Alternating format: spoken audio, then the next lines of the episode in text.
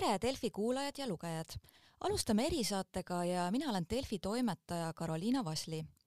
sel nädalal sai meedias lugeda kurvast juhtumist Jüri gümnaasiumis, kus äh, poiste tüli lahenes hoopis nii, et tegelikult üks äh, koolivend ründas teist ja peksis teda. ja kahjuks äh, koolikaaslased, mitmed olid hoopis kõrval, jälgisid ja isegi filmiti see ülesse. ja see tõstatas laiemalt taas ikkagi koolivägivalla teema, et eks me kõik sooviks, et probleem laheneks, et oleks neid juhtumeid vähe, aga päris kadunud see ei ole ja sel teemal äh, räägime seekord äh, äh, psühholoogi ja Kiusamisvaba Kooli juhatuse liikme Kristiina Treieliga, tervist! tere! ja kõrvalt küsiski, et ise paneb ka imestama, et kuidas sellised asjad nagu eskaleeruvad, et kas varem ei märgata, et kas õpilastel pigem ongi nii, et üritatakse võimalikult varjata või ka mõnikord täiskasvanud natuke pigistavad silma kinni, et loodavad, et küll see konflikt laste vahel omavahel kuidagi laheneb mm. -hmm. jah, et kahjuks tõepoolest ikkagi laste vahel selliseid ka väga-väga tõsiseid juhtumeid tuleb, isegi kui püütakse väga põhjalikult ja korralikult ennetustööd teha. ja põhjuseid, miks, miks taolised juhtumid juhtuda saavad, on mitmeid. üks asi on kindlasti see, et äh, olgugi, et, et suur osa kiusamisest võib olla väga varjatud iseloomuga, sageli eakaaslased teavad, mis toimub. ja ega, kui ka uuringud näitavad seda, et enamus õpilasi ei kiida ka seda toimuvat heaks, aga kuidagi kas ei osata sekkuda või tuldagi selle peale, et nüüd oleks meie koht sekkuda teine pool on see, et, et sellised nii-öelda võib-olla ka varased või väiksemad kiusamise märgid on täiskasvanute eest sageli hästi peidetud ja vanem, täiskasvanud, sealhulgas ka õpetajad ei pruugi neid tõepoolest märgata ja, ja siin on jällegi hästi oluline see, et need äh, nii-öelda eakaaslased, kes enamasti siiski teavad, mis toimub, annaksid siis märku, sekkuksid või annaksid ka täiskasvanutele teada, et ära hoida kiusamise eskaleerumist, sest kiusamisel on kombeks minna järjest tõsisemaks, järjest keerulisemaks ja jätta järjest sügavamat jälge kõigisse osapooltesse. et see varajane märkamine ja märgu andmine on hästi-hästi oluline osa selleks, et õpilased seda teha saaksid, oleks vaja teha korralikku ennetustööd ja luua koolis selline nii-öelda hooliv suhtluskultuur, kus ka väga avameelselt ja ausalt ollakse valmis rääkima kiusamiskogemustest ja üksteist aitama selle peatamisel. ja, ja mida ka uuringud näitavad, on see, et, et kui me räägime kiusamise osapooltest, siis äh, ühelt poolt kiusamine on kahjulik kõigile, nii sellele, kes otse kannatab, kui ka pealtvaatajatele ja tegijatele aga samamoodi on ka needsamad tegijad äh, sageli hädas. näiteks meie enda Kiva programmiga seotud äh, igakevadine õpilasküsitlus näitab seda, et, nende, meie, meie koolide, koolides nendest õpilastest, kes teisi kiusavad, umbes pooled on ise ka samal ajal kiusamise ohvrid. nii et, et kui me vaatame neid lugusid lähemalt, siis abi vajavad kõik seotud osapooled aga jah, äh, et me üldse nii kaugele ei jõuaks, on vaja teha väga tõhusat ja süstemaatilist ja järjepidevat ennetustööd kas on ka mingid nagu kindlad märgid, et näiteks ka mida soovitada lapsevanematele, et, et noh, näha, et kas tõesti midagi võib seal koolis olla nagu valesti, et kui lapsed äkki mhm. millestki ei taha rääkida või, või muud aspektid mm? -hmm ja et kui ikkagi laps päris kiusamise all kannatab, et siis hästi-hästi ruttu hakkab, kaob ära tema nagu turvatunne koolis tekivad ärevused, muremõtted, ei taheta kooli minna, tuju läheb ära, see võib laieneda ka soovimatusele õppida, kuni sinnamaani tõesti välja, et laps hakkab koolis käimist vältima, ütlema vanematele, et ma ei taha minna, isegi noh, võib-olla ka salaja ei lähegi kooli, hakkab popitama nii et, et sellised pingeseisundid, ärevused, muremõtted ja kooli suhtes ebameeldivad tunded on kindlasti esimesed asjad, mis nagu märku andma hakkavad, et lapsel on midagi lahti.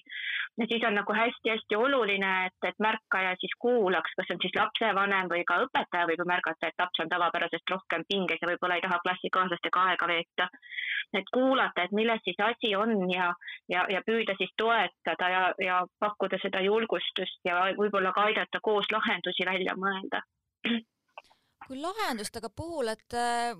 kas pigem ka sellises olukorras ikkagi üritada nii, et kuidagi klass kokku tuua või enamasti see lõpeb ikkagi sellega, et üks osapool või vahetab kooli, et äh, värskes keskkonnas alustada? no koolivahetus äh, kiusamislugude puhul on nüüd üks kõige, kõige ütleme, kõige drastilisemaid lahendusi. et, et kuhu tasub alati püüelda, on see, et, et võimalikult vara kõigepealt jaole saada, et hoida ära see suu kõige noh, väga tõsiste kahjude tekkimine ja hoida alles see võimalus, et me saame suhteid taastada mis kiusamine oma olemuselt on, on kahjustav ja selline nii-öelda düsfunktsionaalne suhe. ehk siis midagi nende laste vahel või kiusamise osapoolte vahel on juhtunud sellist, et äh, üks pool kahjustab teist ja see teise, teisel on mingil põhjusel raske ennast kaitsta. Ja siinkohal on oluline välja tuua seda, et kiusamine ei ole kunagi ühekordne juhtum, et seda me nimetame lihtsalt siis koolivägivallaks, ükskõik mis vormis ta siis on, füüsilisest, sõnalisest või ka suhetega seotud vägivallaks. aga kiusamisest me räägime siis, kui on tegemist juba mitu korda juhtunud asjadega ja, ja ta kujunebki selliseks omalaadseks kahjustavaks suhteks. nüüd, et et seda lahendada edukalt, on vajagi tegeleda selle suhte lahendamisega ja väga riskantne, aga samas üsna levinud praktika kahjuks Eesti koolides on see, et me hakkame seda olemasolevat kiusamisjuhtumit klassis klaarima, arutama, kas otsesemalt või kaudsemalt, aga sellised arutelud ilma põhjaliku eeltööta võivad tekitada rohkem kahju kui kasu. ehk siis kõige turvalisemad viisid äh, kiusamise peatamiseks, äralõpetamiseks ja, ja sellise koostoimiva suhte taastamiseks on ikkagi sellised, kus alustatakse mm, koostööd individuaalselt osapooltega, et räägitakse ühe poolega, räägitakse teise poolega, otsitakse neid lahendusi, mida iga osapool saab teha, et, et kiusamine ära saaks lõppeda. et seal, seal on hästi tähtis see, et lapsed teadvustavad, mis see on, mis toimub ja millised võimalused üldse edasiminekuks on ja õnneks hästi suur osa kiusamislugusid saavad niimoodi kenasti lahenduse. lapsed saavad koos õppimist jätkata, kuni siis selleni välja, et on leitud isegi uued sõbrad. Aga noh, need on need kergemad lood, kui on aga mindud ikkagi päris tõsiste teise inimese keha ja psüühika lõhkumisteni, et siis selliste suhte, suhete taastamine võib olla keerulisem, aga mitte võimatu. Kooli äh, vahetamiseks võib äh, või kooli vahetamist tasub kaaluda alles siis, kui kõik muud meetmed, lepitamine, koostöö otsimine, tõsisemad vestlusringid ka, sealhulgas siis ka nii-öelda need lapsevanematega koos vestlusringid, kooli juhtkonna tõsise, tõsisem sekkumine, kui miski muu pole aidanud ja on näha, et klassis ei saa suhteid korda, et siis siis võib olla mõeldav klassikeskkonna vahetamine, aga see ei lahenda probleemi täielikult, sest enamasti see kiusamise suhe ja see kultuur jääb klassi alles. Et me küll võtame selle kannatava osapoole sealt välja, aga praktika näitab, et üsna ruttu need tegijad leiavad siis järgmise, kelle kallal siis nii-öelda hambaid teritada kui klassikultuuriga ja klassis suhtlemise koostööoskustega tõsiselt süstemaatiliselt ei tegeleta viitsite päris nagu klassi ees ja niimoodi kohe nagu ei ole mõtet laheneda, et oleks ikka süviti minna, aga kuidas siis kogu klassi nagu kaasata, et kas hiljem, kui on osapooltega nagu räägitud ja niimoodi, et ikkagi just sellist ka ühisõhkkonda ja nagu läbi arutada? Ja tegelikult kogu klassi kaasamine algab korralikust ennetustööst ammu enne seda, kui üldse mingid juhtumid võiksid hakata tulema. ehk siis esimesest klassist alates, ideaalis juba lasteaias ja, ja meil ka Eestis äh, lasteaedadele pakutakse juba selliseid metoodikaid, et võib-olla kuulaja teab sõberkaru või siis nii-öelda lillakaru sümbolina tegutsevat äh, kiusamisest vaba lasteaed ja koolprogrammi. ja, ja sealt edasi on hästi oluline, et selle klassi koostöökultuuri ja suhtlemisoskuste kujundamisega hakatakse süstemaatiliselt tegelema kohe esimesest klassist peale kuni üheksanda klassini välja, sest lapsed muutuvad, nende vajadused muutuvad, suhted muutuvad ja on vaja eakohaselt kogu aeg hoida pilku peal nende koostoimimisoskustel. Ja mis puudutab kiusuennetust, siis seda näitavad ka suured pikaajalised uuringute kokkuvõtted, et ainult heade suhtlusoskuste ja hoolimise õpetamisest kiusamise ärahoidmiseks ei piisa. Need on küll tõesti vajalikud asjad, millega tegeleda, aga selleks, et tõesti tõhusalt kiusamist ära hoida, on vaja lastele ka väga täpselt õpetada, mis see kiusamine on, et nad oskaksid seda üldse ära tunda ja märgata, et oo, see, mis ma teen praegu, ongi ju kiusamine ja et nad oskaksid käituda, kui on kiusamise olukord. ehk siis selle asemel, et pealt vaadata, naerda või filmida, et selle asemel lapsed teaksid, mis on konstruktiivne käitumine, et, et kuidas nad saavad ise sekkuda või kuidas nad saavad abi kutsuda võimalikult hästi, võimalikult turvaliselt neile endile ja kõigile teistele ka et see kõik, see tervikõpetus peaks toimuma igas koolis igal õppeaastal süstemaatiliselt. ja näiteks meie siit omalt poolt pakume selleks äh, Kiva programmi, mis on selline tõendus- ja teaduspõhine tegevuste komplekt koolile. et kui seda ikkagi süstemaatiliselt ja järjepidevalt ja, ja asjakohaselt kasutada, et siis sellega võiks ära hoida väga palju kiusamisjuhtumeid, aga noh, no ilmselt ei õnnestu ka kõiki ära hoida aga ka kõik uuringud ja tagasisidet on siis vahepeal midagi muutunud, võrreldes kas või siin viisteist aastat tagasi, kui oli seriaal, äh, film ja seriaal äh, Klass, kus räägiti ja tõusis ka avalikkuse ette, et kui suur probleem meil tegelikult see kiusamine on, et kas praeguseks on olukord parem või isegi hullem, et võib-olla on ju rohkem seda küberkiusamist ja teatud määral isegi nagu kehvemaks läinud olukord see olukord on natukene muutunud paremuse poole, et Eesti kooliõpilased on juba, mis nad siis on juba üle kümne aasta kindlasti või paarteist aastat osalenud suures rahvusvahelises äh, uuringute sarjas, mis puudutab kooliealiste õpilaste tervisekäitumise uuringut. Ja seal äh, iga nelja aasta tagant küsite, küsitakse õpilastelt ka nende kogemusi kiusamise kohta.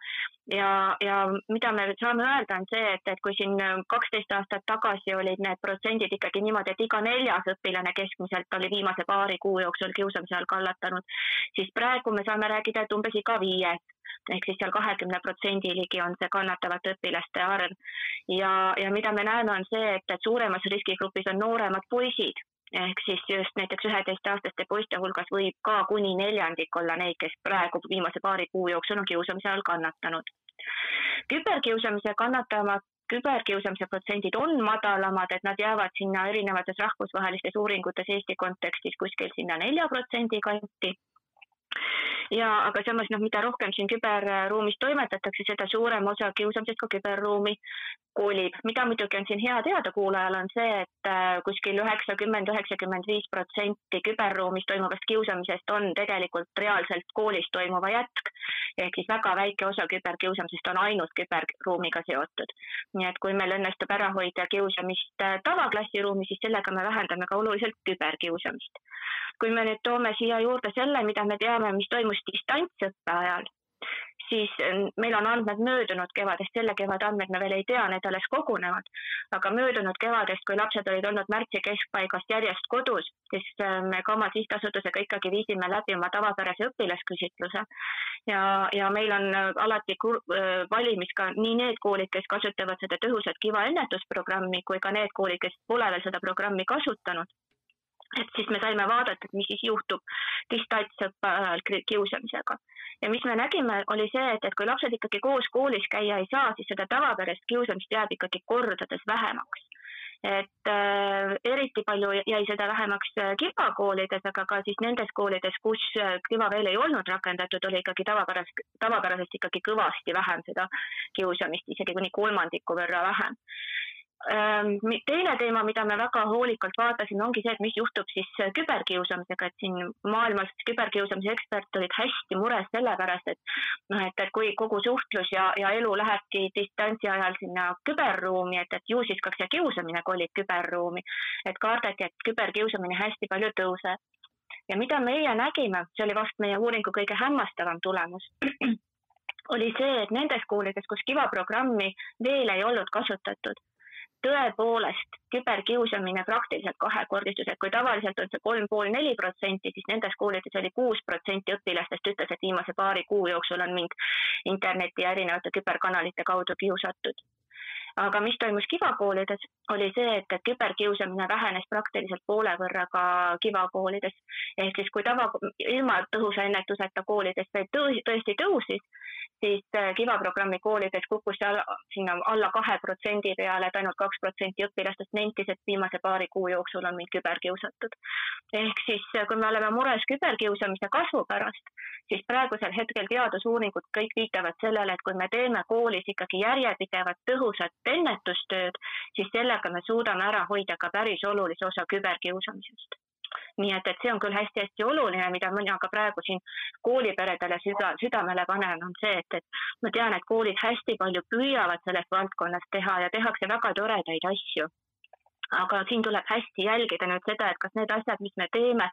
on ka põhjendatud, kas nad tõesti aitavad muutust luua, kas need on piisavalt järjepidevalt tehtud ja kas nad haaravad kogu kooliperet ja aitavad seda suhtluskultuuri ja oskust, teadmiste, oskuste pagasit piisavalt hästi luua et vahel, vahel on niimoodi, et kool näiteks teeb korra aastas mingisuguse saaliürituse, kutsub kellegi põneva inimese rääkima kiusamisest ja siis nagu tundub, et oleks kiusuennetus tehtud. Uuringud näitavad, et sellest on väga-väga vähe kasu, kuni siis selleni, et kui ikkagi on see esineja ka natukene oskamatu ja võib-olla ei anna edasi kõige korrektsemaid oskusteadmisi, et, et siis sellest võib lausa kahju sündida nii et hästi-hästi tähtis ongi just, et iga, igapäevane õppekavaga seotud oskuste ja teadmiste kujundamine, mis aitavad ära hoida kiusamist. See on suur töö, aga see on töö, mis väärib küünlaid, mis aitab säästa meie laste vaimset tervist ja see aitab äh, ennetada ka hilisemat kuritegevust jah, üks on see kooli pool, mida saab teha tõesti rohujuure tasandilt juba esimesest klassist, aga -hmm. kui palju või kõrvalt tajuta, et tegelikult on natuke asi ka kinni võib-olla lapsevanemates, kes on võib-olla natukene selle vana -hmm. kooli ja nemad võib-olla kooli all mõtlesid, et sa peadki olema tugev, vastu hakkama ja ka kaitsevad, et kui laps lööb, siis järelikult oli põhjust ja ei ole siin midagi norida selle kallal ja hakata siin kuidagi pehmelt äh, lähenema mm. -hmm, ja, et, et selles suhtes küll ja ka see, mida me lapsevanemad, milliseid ootusi nad oma lastele sõnastavad või milliseid õpetussõnu nad jagavad, et siin võib olla nii abistavad kui ka kahju tekitavaid soovitusi lastele, noh näiteks ise koolipsühholoogina töötades ma tõepoolest ka puutusin kokku selliste olukordadega, kus lapsevanem soosis vastutegemist, vastuhakkamist füüsilise vägivallaga asjade lahendamiseni. ja, ja aga me ei saa sellist asja ju lubada, sellepärast et kui meil koolis kõik hakkavad äh, nii-öelda vastu tegema ja, ja õigustama oma vägivaldset käitumist sellega, et aga teine on ju selline, et siis me ei lõpetagi seda vägivallaringi ära et, et siin pigem ongi see, et ka koostöös lapsevanematega vaadata üle, mis on need nii-öelda abistavad probleeme lahendavad võimalused. ja, ja siin, siinkohal ma ka kutsun jällegi üles nii kooliperesid kui ka lapsevanemaid hästi selliseks avatud ja, ja, ja vastastikku hoolivaks koostööks, sest see, kelle pärast te pingutate, on just nimelt see laps ja tema tulevik et ta praegu saaks hästi hakkama, et ta tulevikus saaks hästi hakkama, et ta ka vahel täiskasvanute arusaamatustes ja konfliktides katki ei läheks. seda reaalses elus saavutada on hästi, hästi keeruline, aga, aga siis ongi jällegi see, et me tuletame meelde, kelle pärast me pingutame ja me pingutame iga lapse pärast. ka selle pärast, kes võib-olla on parasjagu valesti käitunud ja, ja, ja noh, lapsevanemad, noh, kiusamisjuhtumite puhul hästi selline sage probleem, kui me nüüd koolidega ka suhtleme ja neid toetame, Äh, kes nüüd kivametoodikat rakendavad, siis äh, lapsevanematel sageli käib kaasas ootus, et noh, et kui nüüd kiusaja, seda kiusamislugu lahendatakse, siis peaks ju kiusaja saama karistada. mida nüüd uuringud näitavad, et karistuslik lähenemine või kiusamise lõpetamine karistusega on väga vähetõhus või lausa ohtlik. sellepärast, et ähm, kui me natukene järele mõtleme, siis karistus kuidagi ei õpeta lapsel probleemi lahendama või oma käitumist muutma, sest kiusamiskäitumist taga olevad äh, vajadused jäävad ju lapsel alles me lihtsalt ütleme, et ta ei tohi ja kui ta seda teeb, siis ta saab karistada. nüüd palju tõhusamad lahendamise viisid on siis ka sellised viisid, mida kivametoodika kasutab, ehk siis probleemi lahendavad ja koostööle suunatud viisid. ja enamuse selliseid kergemaid kiusamislugusid saab nende viisidega väga-väga ilusti ära lahendada pluss lapsed saavad väga hea arendava kogemuse selle kohta, kuidas keerulisi suhteolukordi lahendada keerulisemate lugude puhul, kus sellised lahenduskesksed viisid ei aita, siis jah, äärmuslikel juhtudel tuleb vaadata sinna karistuslike viiside poole küll. aga, aga jah, et, et ähm, vanematel aeg-ajalt on keeruline mõista, et noh, et kuidasmoodi see lugu sai nüüd lahendatud, kui tegelikult kiusaja polegi karistada saanud. oluline on see, et, et nii see, kes tegi, kui ka see, kes kannatas, saaks hea arendava kogemuse selle kohta, kuidas taolisi probleeme on võimalik lahendada, sest see annab talle ju ka tööriistakast ja teadmised tulevikuks, kuidas ka tulevikus taolistes olukordades käituda, neid ära hoida või, või siis abi küsida, kui on vaja. sest noh, mida uuringud veel näitavad, on see, et ega kiusamine koolieaga ära ei lõpe, kiusamine läheb töökohtadesse ja perekondadesse ja nii et need oskused on igal juhul vajalikud küsikski just ka selle nii-öelda tegija või selle kiusaja aspektist, kui lapsevanem kuuleb, et tema armas lapsuke, keda ta on arvanud, et on tõeline ingel, on paraku koolis olnud teistmoodi, et mis oleks see esimene samm, et kindlasti kohe võib-olla tahaks sakutada või kaitsma hakata, aga et kas rahulikult mm -hmm. pigem nagu psühholoogi kokku saada, et mis oleks nagu selline soovitus mm? -hmm. no neid põhjuseid, miks kiu-, laps on kiusanud Äh, on ka jällegi hästi erinevad ja tõepoolest me, võib juhtuda, et kiusama hakkab ka väga tubli ja väga heade sotsiaalsete oskustega laps, kelle puhul täiskasvanu nagu üldse ei ootakski, näiteks mõni väga-väga tubli tüdruk võib olla päris korralik kiusaja. Äh, mis seal ta, sageli taga on, on see, et äh, või noh, on, on tuvastatud selline teatud põhjuste ring, miks armas laps võib osutuda teise, teist kiusavaks lapseks üks, üks hästi levinud põhjus on see, et, et see, kes kiusab, tahab sellega saada tähelepanu, tahab saada, tunda, et ta on oluline. ehk siis ka uuringud näitavad, et eriti just teismeeste hulgas selline suhetega seotud kiusamine on väga tõhus viis omaenda populaarsuse tõstmiseks ja hoidmiseks. nii et seesamane tunne, et ma olen oluline, ma kuulun teie hulka, ma olen teie jaoks tähtis, et see on hästi baasiline vajadus lapsel, aga osad lapsed millegipärast püüavad seda saavutada siis teisi endast nõrgemaid alla surudes, endale liiga tehes et äh, sedasama oskust või sedasama vajadust saab rahuldada ka palju prosotsiaalsemalt või sobilikumalt, ilma teisi kahjustamata ja seda ongi vaja lastel õppida. aga võib juhtuda ka niimoodi, et kiusaja hakkab kiusama puhtalt põnevuse pärast. koolis on muidu igav, on vaja kino teha. ja, ja ka selliseid lugusid on. ja kui nüüd vanem äh, saab teada, et tema laps kiusab, siis tasub hästi rahulikult lihtsalt lasta lapsele endal seletada, mis on toimunud, mis on minu lapse lugu selle juhtumi taga me ei hakka kohe kedagi hukka mõistma, me kuulame ära selle loo ja siis vaatame, kas oleks saanud kuidagi teisiti. Ja mis on see, mida me nüüd edasi teisiti peaksime tegema, et jah, ma saan aru, et sinu jaoks on oluline, et sa tunneksid ennast tähtsana, et, et, et teised sind kuulaksid, et aga kuidas sa saavutad seda niimoodi, et sa samal ajal teisele liiga ei tee. ja, ja kui nüüd lapsevanem äh, tahaks veel natuke selles osas mõtteid juurde saada, siis kiusamisvaba.ee kodulehel on täiesti vabalt saadaval ka äh, Kiva programmi lapsevanemate miniõpik, kus on lapsevanematele hästi mõnusalt lahti seletatud, mis see kiusamine täpselt on, kuidas seda ära tunda. Ja samamoodi on sinna juurde toodud ka nii-öelda lapsevanema esmaabi ehk siis mida teha ja kui, mida küsida ja kuidas rääkida, kui minu laps on seotud kiusamisega, ükskõik mis rollis siis, kas siis nagu me just rääkisime, teisele liiga tegijana, kannatajana või ka pealtnägijana, sest ka kiusamist pealt nägevad lapsed vajavad toetust, vajavad abi, vajavad võimalust sellest rääkida. Jah, kõrvalt tundub, et pealtnägijad tihtipeale ongi hirm ka, et ei taha ju ise saada sellest, keda kiusatakse, et pigem oled siis vait ja jälgid kõrvalt, oled nii-öelda ja tegelikult oled siis kaasajooksik omamoodi, et jaa, kusjuures seda kiusamissuhete dünaamikat klassiruumis on päris palju uuritud ja on tekkinud täiesti selline nagu kiusamisega seotud rollide teooria. ehk siis tõepoolest me võime klassis leida lisaks sellele, et meil on seal kannatavad lapsed, kiusavad lapsed, on sealt näiteks olemas äh, kiusaja kannustajad, kiusaja julgustajad, need on siis need, kes takka kiidavad või vahel vaikselt kas susivad ja ätsitavad, et noh, kas täna ei tehagi kino. ja, aga samas on ka näiteks vaikivad pealtvaatajad Äh, kes sisuliselt oma vaikimisega, mujale vaatamisega, mitte millegi tegemisega aitavad kiusamisel toimuda. ja siis on üks osa õpilasi, kes on nii-öelda kaitsjad või potentsiaalsed kaitsjad. Need on siis need, kes aitavad kiusamisel lõppeda, kes siis lähevad kannatava lapse kaitseks ise kas vahele või kutsuvad enda juurde ära või kutsuvad appi täiskasvanu, sõltub, mis olukord on ja mis on nende endi jaoks turvaline käitumine. nüüd igasuguse tõhusa ennetustöö üks hästi oluline eesmärk ongi see, et aidata nendel potentsiaalsetel kaitsjatel saada päriselt kaitsjateks ja et neid oleks võimalikult palju klassiruumis ehk siis nagu ma ka alguses ütlesin, et enamus õpilasi tegelikult, kui nende käest küsida, nad on noh, nad ütlevad, et nad ei, ei kiida kiusamist heaks, et nad leiavad, et see on väga halb asi, et nad ei taha, et seda nende klassis oleks, aga ometi nad ei tee midagi ja, ja kui me oleme tõhusalt ennetustöö ära teinud, et siis iga laps teab, et tema kohustus on olla nii-öelda sekkuja ja kaitsja, sest kui ta vaikides pealt vaatab, siis ta on tegelikult ise kiusamisele kaasaaitaja. ja ta teab, kuidas seda teha, et mis on minu võimalused ja kui me kambakesi juba teame, kuidas peatada kiusamist, siis meil on ju palju julgem ka sellele kiusajale vastu hakata, kartmata, et me ise satuksime ohvriks sest kui kiusaja tahab saavutada populaarsust oma tegevusega ja enamus klassi ütleb, et kuulge, kuulge, see käitumine küll meie jaoks populaarne ei ole, et siis kiusaja ei saavuta ju tegelikult oma eesmärki. ehk siis põhimõtteliselt klassikaaslastest kõrvaltvaatajate suhtumisest sõltub see, kas kiusamine saab toimuda või ei saa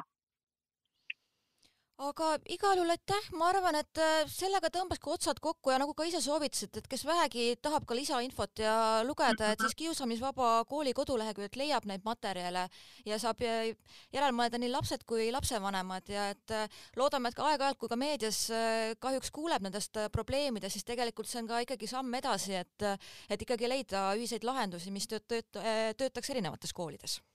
just, meil tegelikult seda teadmist ja oskusteavet on olemas, see tuleb lihtsalt üles leida nii lapsevanematel kui kooliperedel ja seda siis tõhusalt kasutada, sest